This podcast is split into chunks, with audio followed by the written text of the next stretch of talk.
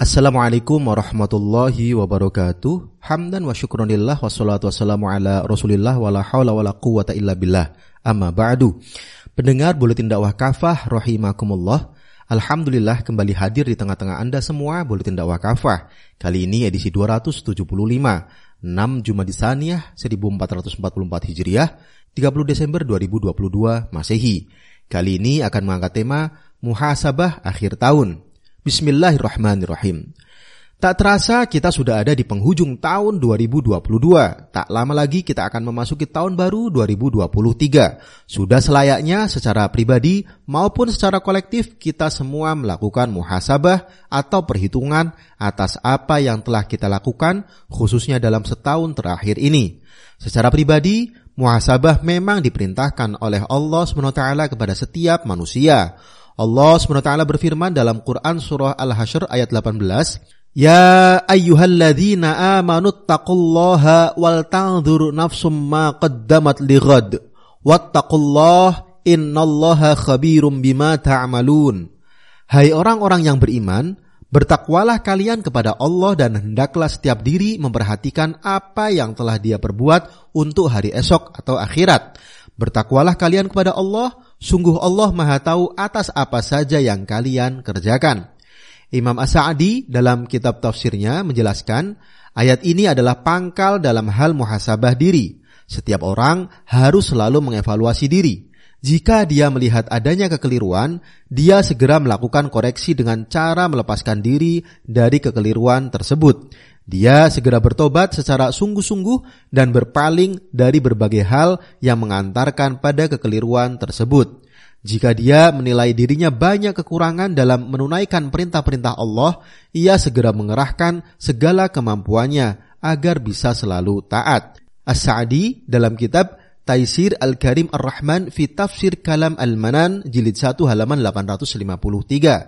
Tentang muhasabah diri, Rasulullah Shallallahu Alaihi Wasallam juga bersabda, al kayyisu man dana nafsahu wa amila lima ba'dal maut wal ajizu man atba'a nafsahu hawaha wa tamanna 'ala Allah azza wa jal. Orang yang cerdas ialah orang yang selalu mengevaluasi dirinya serta beramal untuk kehidupan sesudah kematian. Orang yang lemah atau bodoh ialah orang yang selalu mengikuti hawa nafsunya serta berangan-angan kepada Allah Subhanahu wa taala hadis riwayat At-Tirmizi. Tentang pentingnya muhasabah pula, Imam Hasan Al-Basri pernah menyatakan, sungguh seorang mukmin yang menjaga dirinya sendiri akan selalu melakukan muhasabah karena Allah SWT. Sungguh akan terasa ringan penghisapan Allah SWT atas suatu kaum yang biasa menghisap diri mereka saat di dunia. Ibnu Al-Jauzi dalam kitab Sifat As-Sofwah jilid 1 halaman 356. Dengan muhasabah diri, seorang muslim tentu akan menyadari dosa-dosanya. Saat ia menyadari betapa banyak dosa-dosanya, ia akan terdorong untuk segera bertobat kepada Allah SWT dengan cara banyak beristighfar, memohon ampunannya. Menyesal sedalam-dalamnya atas dosa-dosanya yang telah lalu, sekaligus bertekad sekuat tenaga untuk meninggalkan dosa-dosa yang pernah ia lakukan itu. Setelah itu, ia pun hanya akan lebih banyak melakukan amal-amal kebaikan.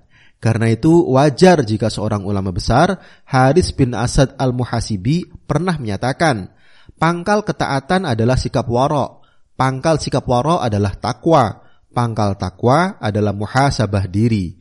Ibnu Al-Jauzi dalam kitab Sifat As-Sofwah jilid 4 halaman 282. Pendengar rahimakumullah, muhasabah atas kondisi umat Adapun secara kolektif, muhasabah seharusnya juga dilakukan oleh seluruh komponen bangsa ini atas kondisi negeri mereka saat ini. Pasalnya, setidaknya dalam setahun terakhir ini, kondisi negeri ini seperti jalan di tempat. Berbagai keterpurukan masih dialami dan dirasakan oleh bangsa ini. Angka kemiskinan dan pengangguran masih tinggi. Angka kriminalitas masih terus meningkat. Bahkan ada yang dilakukan oleh aparat. Contohnya, kasus pembunuhan sadis oleh Sambo. Contoh lainnya adalah kasus narkoba dan judi online yang bernilai triliunan rupiah yang di antaranya juga melibatkan sejumlah oknum aparat. Kasus korupsi makin menjadi-jadi. Penistaan agama Islam juga makin marak. Ironisnya, para pelakunya sering dibiarkan begitu saja tanpa ditindak. Kerusakan moral pun makin brutal. Salah satu contohnya adalah makin marak dan terbukanya fenomena LGBT di berbagai daerah. Kasus terorisme yang dilakukan oleh OPM di Papua juga makin sadis, sudah menewaskan ratusan orang, di antara korbannya bahkan aparat keamanan. Mafia impor masih banyak bersokol, mafia hukum dan perundang-undangan masih bergentayangan setelah berhasil meloloskan undang-undang Omnibus Law yang lebih berpihak pada pemilik modal dan oligarki ketimbang berpihak pada rakyat, mereka pun berhasil mengesahkan KUHP baru yang juga syarat dengan sejumlah pasal yang bermasalah. Salah satunya adalah pasal-pasal yang bisa membuka peluang rezim untuk bertindak makin otoriter. Mafia peradilan juga makin terang-terangan Bagaimana misalnya ada ulama difonis berat dengan tuduhan terlibat tindakan terorisme yang tidak pernah terbukti di pengadilan. Sebaliknya, banyak koruptor yang nyata-nyata merugikan negara triliunan rupiah dihukum seringan-ringannya. Mafia politik yang dikendalikan oleh oligarki juga makin tak terkendali. Mereka misalnya terus memainkan cara-cara kotor untuk menjegal pihak-pihak yang dianggap berseberangan dengan rezim dan bisa mengancam kepentingan oligarki.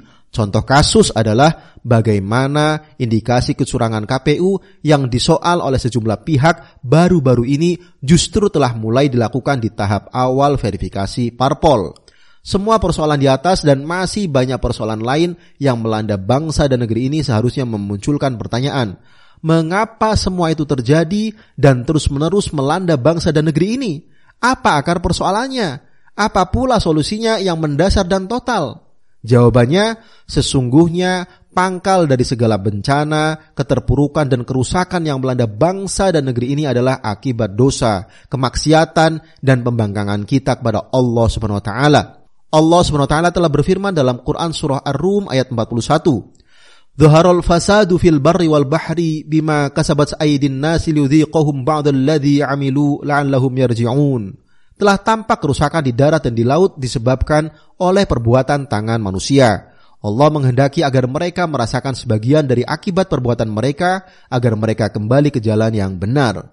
Imam Ali As-Sabuni dalam kitab tafsirnya Sofah At-Tafasir menjelaskan maksud ayat di atas yakni telah tampak musibah dan bencana di permukaan bumi dan di laut disebabkan oleh kemaksiatan dan dosa-dosa manusia kepada Allah Subhanahu wa taala. Di negeri yang mayoritas muslim ini bukan saja terjadi pembangkangan terhadap hukum-hukum Allah Subhanahu wa taala, bahkan syariahnya kerap distigmatisasi. Semangat dakwah untuk menegakkan agamanya justru dilebeli radikal dan dipandang sebagai ancaman. Dalam paham keagamaan, umat malah terus disodori seruan moderasi beragama. Moderasi beragama diklaim dan dipropagandakan sebagai cara beragama dan berislam yang terbaik, lawan dari radikalisme atau ekstremisme. Padahal inti dari moderasi beragama adalah semangat untuk menyembelih ajaran Islam. Namun, untuk mengelabui umat, upaya ini dikemas dengan sebutan yang sepintas islami, yakni Islam moderat atau Islam wasatiyah Padahal istilah dan ajaran ini bukan berasal dari Islam, juga tidak pernah digunakan oleh para ulama dulu. Tentu karena paham moderasi beragama murni berasal dari barat untuk melumpuhkan ajaran Islam. Dengan dalih moderasi beragama, para pembuat kebijakan dibantu tokoh-tokoh agama merasa berhak menentukan ajaran Islam yang harus dibuang dan yang tetap dipertahankan. Dengan arahan barat, hukum-hukum Islam yang bertentangan dengan prinsip sekularisme, pluralisme, liberalisme dan demokrasi harus ditiadakan. Sebutan kafir misalnya, coba ditiadakan karena dianggap bertentangan dengan ajaran pluralisme. Umat juga terus dicekoki dengan monsterisasi terhadap ajaran khilafah dan jihad. Potret-potret peperangan di dunia Islam seperti Suriah atau ISIS di Irak sering diframing sebagai akibat dari seruan menegakkan khilafah dan jihad. Penipuan ini terus dilakukan terhadap umat yang tidak paham konstelasi politik di negeri-negeri muslim. Padahal sebenarnya beragam perang dan konflik yang terjadi sengaja dipicu oleh negara-negara penjajah seperti Amerika Serikat, Inggris, dan Rusia. Itu adalah di antara strategi mereka untuk melanggengkan hegemoni dan merampok kekayaan alam umat Islam dengan menciptakan kondisi yang tak pernah stabil di kawasan tersebut. Pendengar rahimakumullah, Islam satu-satunya solusi. Pertanyaannya, apa solusinya? Satu-satunya solusi yang benar, mendasar dan total adalah dengan menerapkan syariah Islam secara kafah. Keimanan kita pada Islam tentu mengharuskan kita taat secara total pada syariahnya. Janganlah kita mengulangi kesalahan yang sama dengan tetap mempercayai sistem kehidupan selain Islam.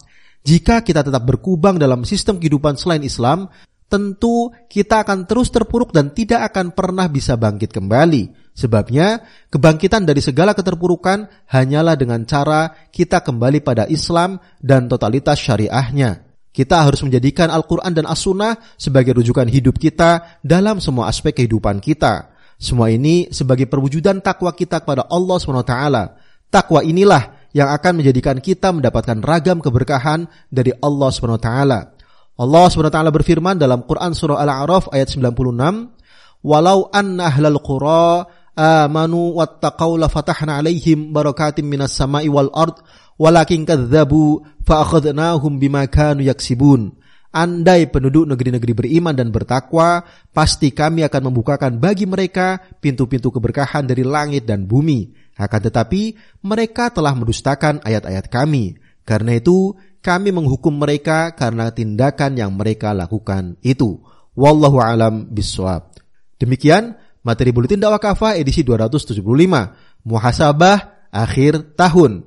Terima kasih. Wassalamualaikum warahmatullahi wabarakatuh.